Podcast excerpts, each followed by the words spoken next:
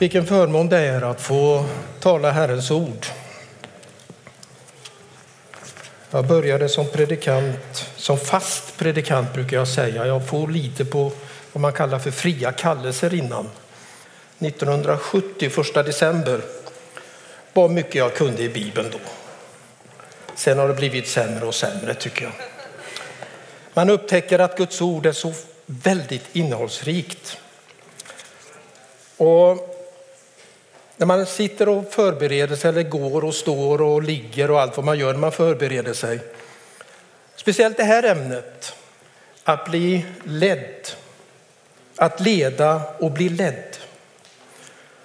Så är risken väldigt stor att man hamnar i, här är mitt liv.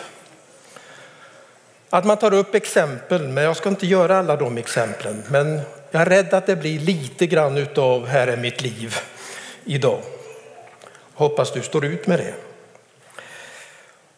Men man blir så tacksam för alla människor som har investerat tid, kraft och erfarenhet i mitt liv. Jag bara kom att tänka på när jag kämpade som värst att, att bli en Herrens tjänare, för det skulle jag ju absolut inte bli. För det räckte ju att min mamma och pappa var det. De var ju missionärer. Det räckte att min storebror och lillebror skulle bli det, för de har ju predikat i hela sitt liv. Förlåt bröder om ni tittar på mig.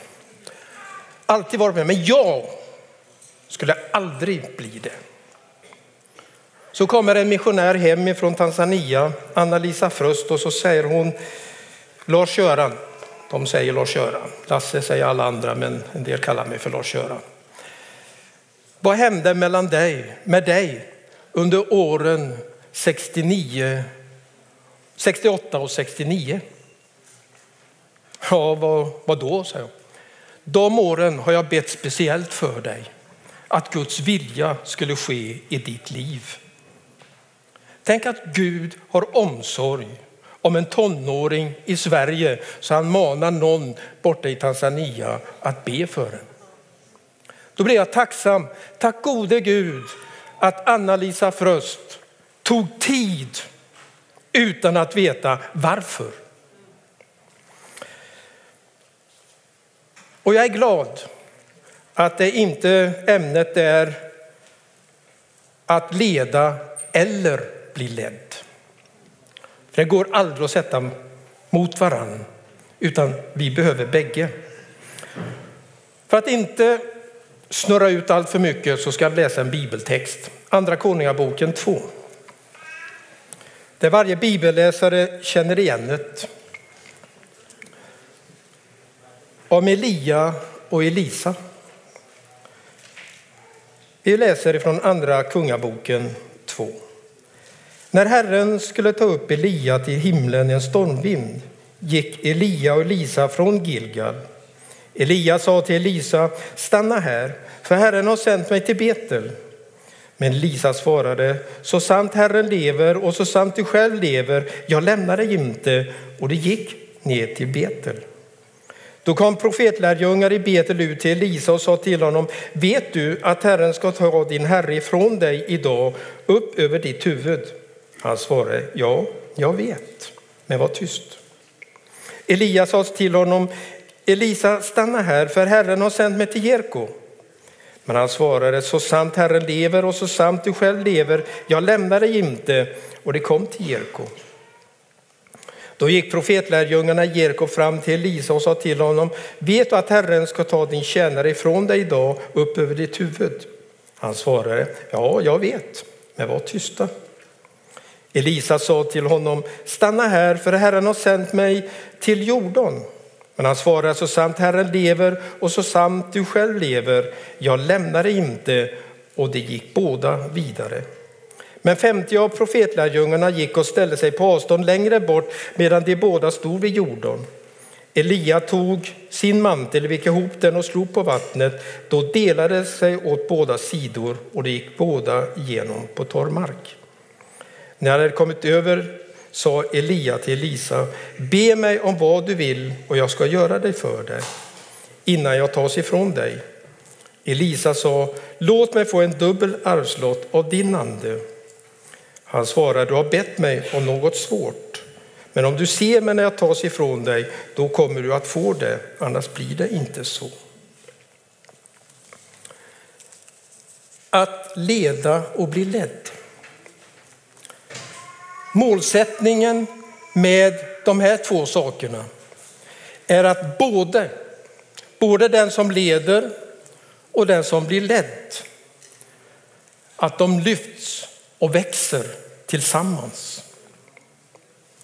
Det är otroligt viktigt att man har en sann relation och ett sant lärjungaskap. Jag kan aldrig leda någon längre än jag själv har kommit. Jag kan driva dem, jag kan tvinga dem, men jag kan aldrig leda. Därför är det väldigt viktigt att den jag ska leda har något att lära mig och jag tar emot den lärdomen. Jag får aldrig bli så duktig så jag blir expert på ledarskap. Då har jag diskvalificerat mig. Därför är det väldigt, väldigt viktigt att man har en sann relation och ett sant lärjungaskap. Jag har förmånen att få växa upp i en miljö där tanken på Guds ledning var en självklarhet. Man fick det där nästan med modersmjölken, höll på att säga, innan dess. Så var det ofta man hörde det där, Herre led mig. Min far berättar och berättar många gånger hur Herren har lett honom på många dramatiska sätt. Min mor, hon hade med den här inställningen att eh, ja, det här ska bli intressant hur Gud ska leda oss nu. Och jag avundades dem bägge två. Jag avundades min far som kunde peka när han fick sin kallelse ut till missionslandet. Den dramatiska händelsen där ute på Jöksholms åkrar när marken förvandlades och han fick se en missionsstation och Gud säger hit ska du. Och mammas trygghet, ja vi får se vad det här tar vägen men Gud är med. Jag kom till lite grann om här är mitt liv. Kom till Brusaholm, världsmetropolen i Brusaholm. Alla vet var Brusaholm ligger. Det ligger på andra sidan Eksjö mot Mariannelund och där. Och så kommer jag in i lokalen, pappa ska predika och jag är med som chaufför. Jag öppnar dörren och kliver in i lokalen när en röst, jag kan inte beskriva det på annat sätt, säger hit ska du. Och det var det dummaste jag har hört. Brusaholm. Ja. Det fanns en pastor där. Så vad skulle jag där och göra? Jag skuffade undan det. På kvällen så är vi inne i Eksjö där pappa också ska predika på kvällen. Jag sätter mig i en bänk där och så kommer några ungdomar insläntrande. Samma röst säger Lasse, de här ska du ta hand om. Nu blir det spännande. Då börjar argument-Lasse. Jag börjar argumentera emot. Men samma röst säger, du ska ta hand om de här ungdomarna. Okej då Gud, nu ska vi göra, ska vi se om det här stämmer. Så säger jag så här till Gud, okej Gud, finns det någon uns om sanning i det jag tänker? Så ska pastorn be mig avsluta gudstjänsten. Man hade någonting man hette eftermöte. Då ska man inbjuda folk. För det händer ju inte. Jag sitter där, pastorn sitter där och bredvid honom sitter pappa på talarstolen. Vad händer? Gunnar Lind, pastorn går upp på talarstolen och säger jag känner väldigt starkt att efter att missionär Berggren har talat så sjunger sångarna en sång och så avslutar sonen, tyvärr vet jag inte vad du heter, kom inte ihåg det, men så avslutar du gudstjänsten. Jag kommer inte ihåg något av gudstjänsten efter det. Första december 1970 kommer jag till Eksjö Brusaholm. Där möter jag två personer som har betytt oerhört mycket för mig. Den ena, en 17-årig syster sa man på den tiden. En 17-årig tjej, svarthårig, flätor. Som efter drygt 50 år fortfarande finns kvar vid min sida. Som har varit min främsta stöttepelare och att hon har orkat i 50 år, bara det är ett under. Fått dela kallelsen tillsammans. Dela det där som är oerhört positivt. Men som har stått där trogen också i de mörkaste stunderna. Där fanns också han som kom att bli min svärfar. Som kom att betyda så oerhört mycket och betyder fortfarande väldigt mycket för mig. Och jag har funderat, vad var det som gjorde, nu ska jag inte prata om Inga-Lill för att, jag ska prata om svärfar en stund. Vad var det som gjorde att svärfar blev den jag ville ta rygg på? Jo, framför allt så var han ingen vägskylt. Han stod inte och sa nu ska du gå däråt. Utan han var med det där, följ mig. Han fanns där. Han var ett exempel för mig. Så jag tänkte, får jag bara hälften av vad han har, då har jag fått väldigt mycket. Och han tog emot förtroende. Han var den som följde med mig. Vi gick bägge två.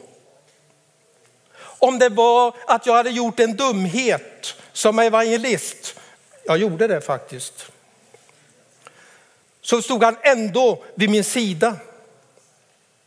Han delade mitt misslyckande.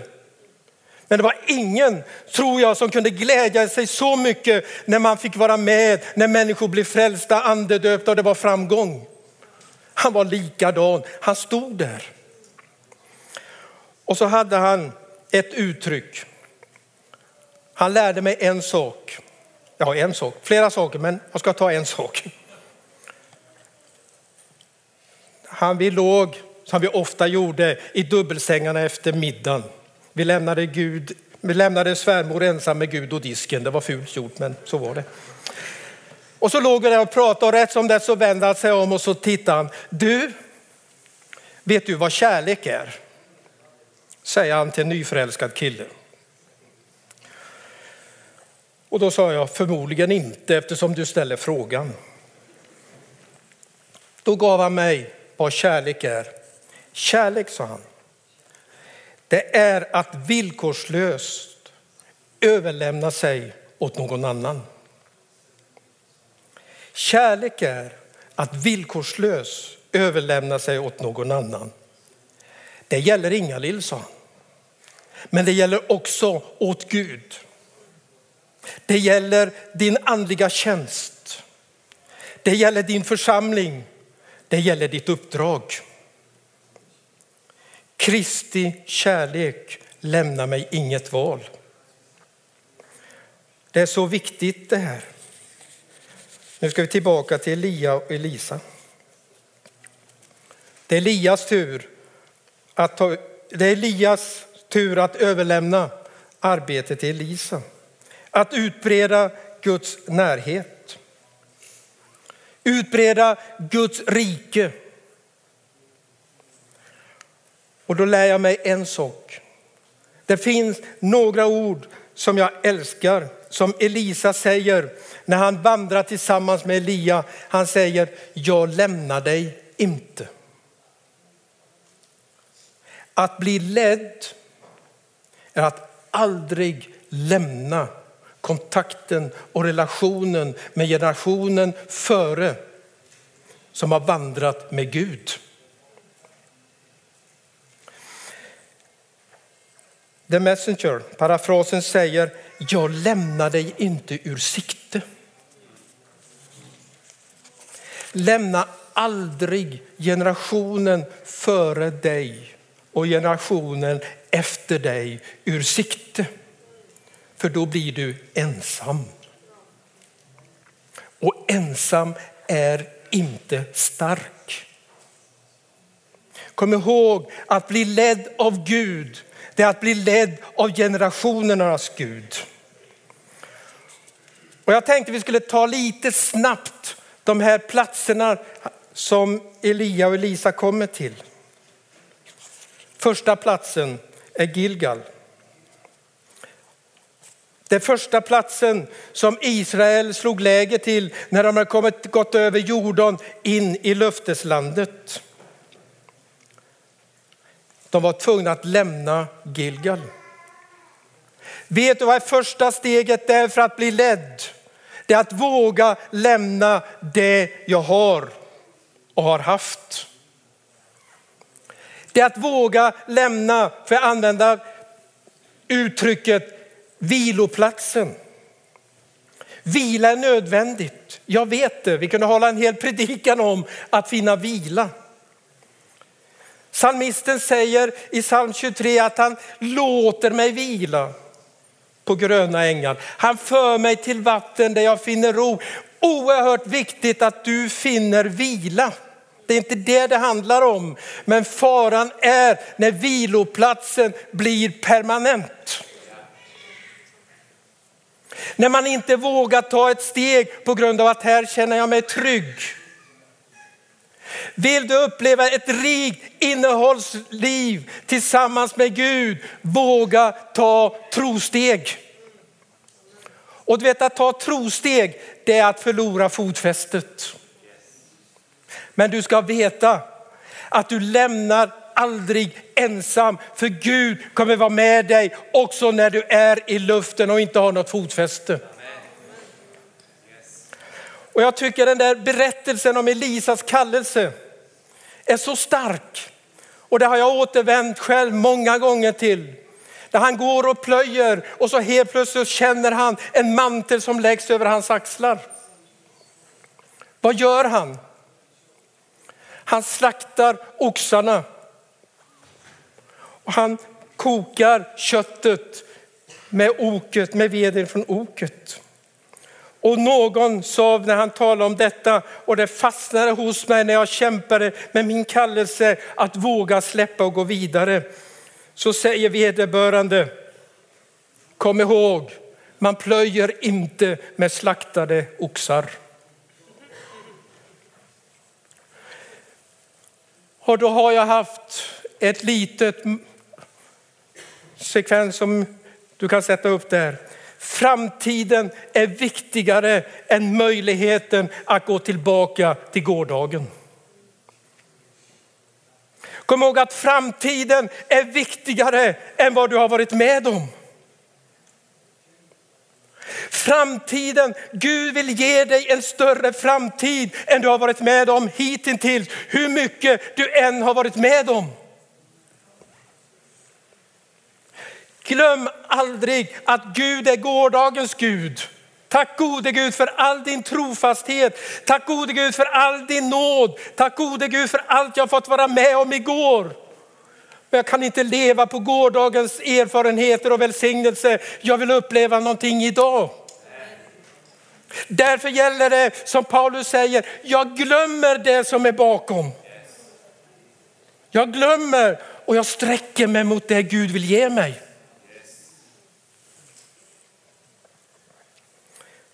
Lämna viloplatsen tillsammans med Herren. Andra platsen var Betel. Betel, platsen för Guds uppenbarelse och Guds beskydd. Även när man är på flykt. Det var ju där Jakob var. Jag har skrivit på min fusklapp Betel, platsen där flykten från blir längtan till. Befinner du dig på flykt så önskar jag att det här Betel fick bli den plats där du slutar fly från och upptäcker det finns en framtid för mig. Jag var på flykt Oj vad jag flydde. Och det värsta jag kunde höra, det var när folk säger, jaha, och du ska bli en Herrens tjänare. Det var så det kokade i mig. Jag kommer ihåg käre broder, äldste brodern i Jönköping som var hemma och så ska man avsluta med en bönestund. Han vet ingenting vad jag kämpar med. Och så avslutar han bönen. Herre, och så ser du vår unge broder här som ska upp bli en Herrens tjänare. Och jag tänkte, kan du vara tyst? En helt onödig bön. Eller när jag som Kati tonåring står framför min mor och säger Gud finns inte. Du vet som tonåring vet man allt, kan allt, har varit med om allt. Det hade jag varit som 16-åring redan. Och jag säger till mamma, den där guden som du och pappa tjänar, det är bluff. Han finns inte. Ni har jobbat förgäves. Och så tittar mamma på mig med en blick som bara en kärleksfull mor kan titta på en uppstudsig son. Så gör, gör hon så här. Lars-Göran, det är två saker du aldrig kan hindra mig från att göra. Jaha, och vad är det då? Du kan aldrig hindra mig från att älska dig. Och du kan aldrig hindra mig från att be för dig att Guds vilja får ske i ditt liv. Där försvann 16-åringens tuffhet. Och alla människor som knuffar mig sakta framåt. Tills jag en dag kunde säga, Herre, jag slutar att fly från något. Nu kommer jag till dig. Och fick uppleva hur mitt liv totalt förvandlades. Tiden går fort. Jerko. Den värsta plats man kan vara i som en Herrens tjänare. Va? Jerko har jag skrivit på min fusklapp, platsen för rundgång. Vad var det man skulle göra? Jo, säger löftet fanns ju där i Josua 6 där Gud säger till Mose eller till Josua, jag har gett dig landet. Du ska gå in och inta landet. Här har du löftet. Okej Gud, då marscherar vi in i landet då. Nej, du ska gå runt staden. Du ska gå runt staden. Ja, men Gud, tänk amalekiterna, det var bara uppräckta händer och så var striden vunnen. Och nu ska vi gå omkring i rundgång. En hel vecka. Ja, okej, okay. vi talar första dagen som motionsrunda. Vi tar andra dagen som, som motion då. Men när du har gått där runt och du ser inte en spricka i muren. Och så är det någon hurtig som säger halleluja, du har det framför dig. Säga det till mig. Ja men Gud, fixa det här nu då. kan väl inte vara så märkvärdigt. Nu kommer dagen innan. Då Gud, då går vi in. Nej, nu ska du gå sju varv. Du går sex och ett halvt varv. Du ser inte en spricka. Vet du vad som är starkast att veta då? Insikten om att Gud är med mig när jag inte ser att det händer någonting runt omkring mig. Vetskapen om att löftet står fast även om det är rundgång i mitt eget liv. Gud är med och leder när ingenting händer. Så min vän, Gud lär dig någonting väldigt starkt när ingenting händer.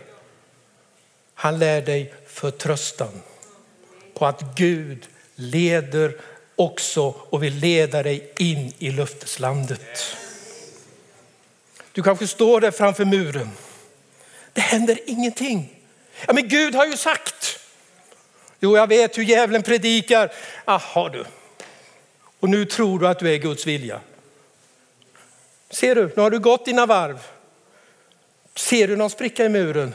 Nej, har aldrig varit så igenmurad som det är nu. Men min kära vän, sjunde varvet tillsammans med lovsång så brister även den starkaste muren faller för Gud står vid sina löften. Se inte på muren, se på den kraft som är verksam där du inte ser. Och du kommer vara med och inta landet. Tid för process. Jordan, platsen in i löfteslandet. Kallelsens verkställighet. Det är inte längre en process. Nu handlar det om trons steg. Nu handlar det att gå där Gud har sagt jag ska gå. Och vet du, det är det mest spännande man kan vara med i. När Gud säger gå. Visst har jag varit med om när folk har sagt till mig, tänk om Gud kunde skriva på väggen vad han vill med mitt liv. Då brukar jag svara, har Gud gjort en gång för en ogudaktig kung som dog på natten, så jag tror inte det är något att rekommendera. Men däremot tror jag, jag leder dig steg för steg. Jag leder dig steg för steg. Och du vet Jordan, den står för så mycket så det hinner jag inte gå in på allt. Men låt mig säga, det är första steget in och inta löfteslandet som du får hålla på med så länge du går på den här jorden. För det finns så mycket att upptäcka i Guds löftesland. Det var inte Elias arbete som skulle föras vidare.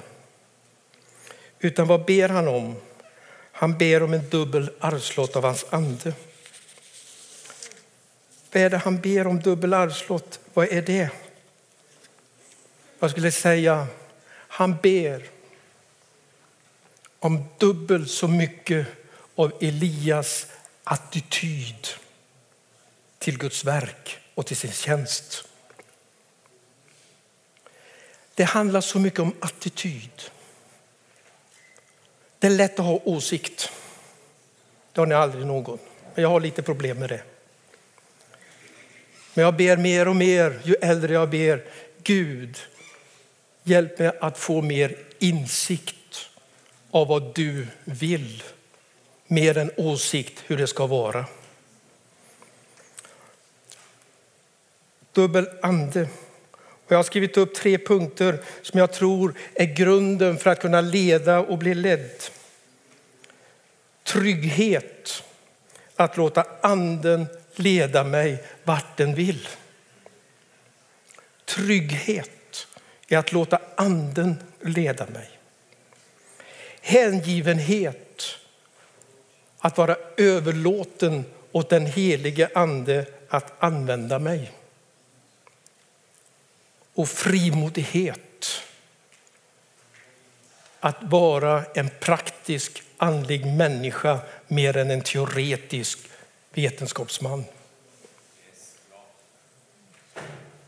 Jag tror att Gud behöver idag så behöver han människor som vill vara fyllda av helig ande. Och jag vill gärna avsluta med att rikta mig till min egen generation.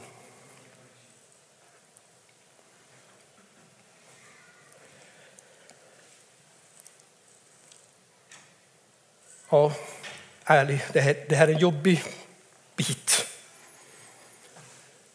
Jag har också varit i Elias position i Första Konungaboken 18. När han säger min tid är förbi. Jag har inte mer uppgift. Det är nog. Jag har också bett den där bönen som han ber, ta mig härifrån. Jag har inget att ge längre.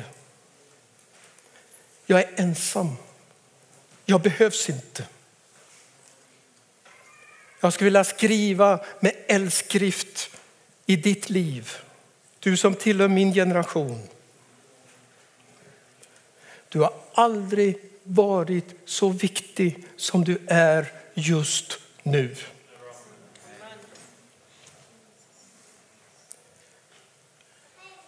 Talar av erfarenhet.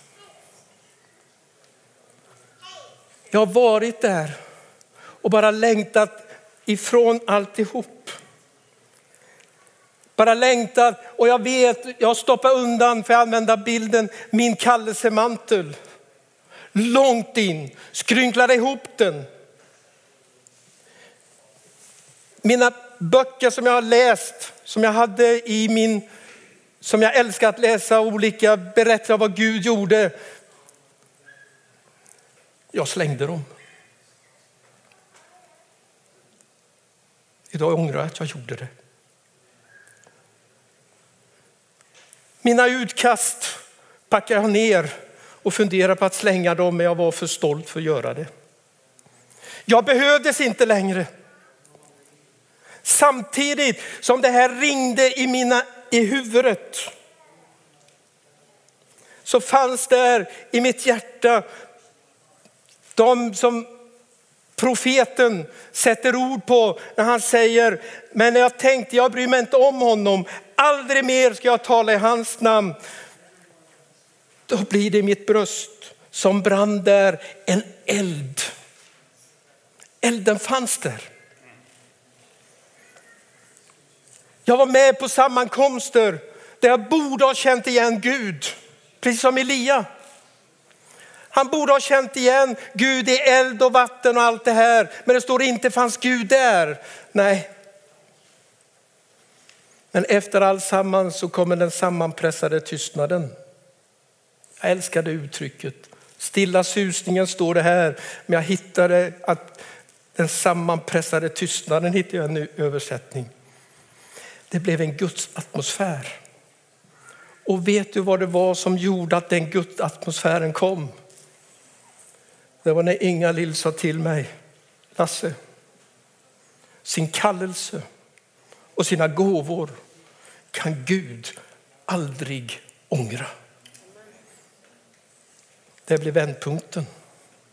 Så jag skulle säga till dig, våga ta fram manteln, hur skrynklig den än är. Du har en uppgift att lägga den med nästa generation. Barn och barnbarnsgenerationen. Förakta inte en fallen mantels betydelse.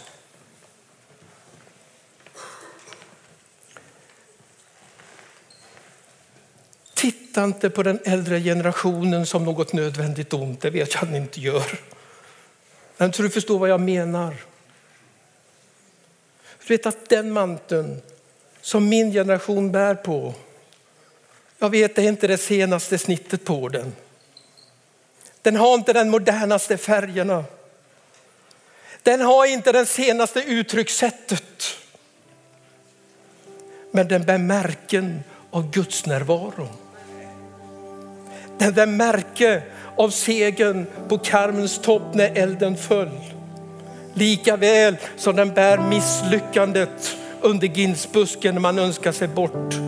Men framför allt så bär den märken av Guds trofasthet generation efter generation.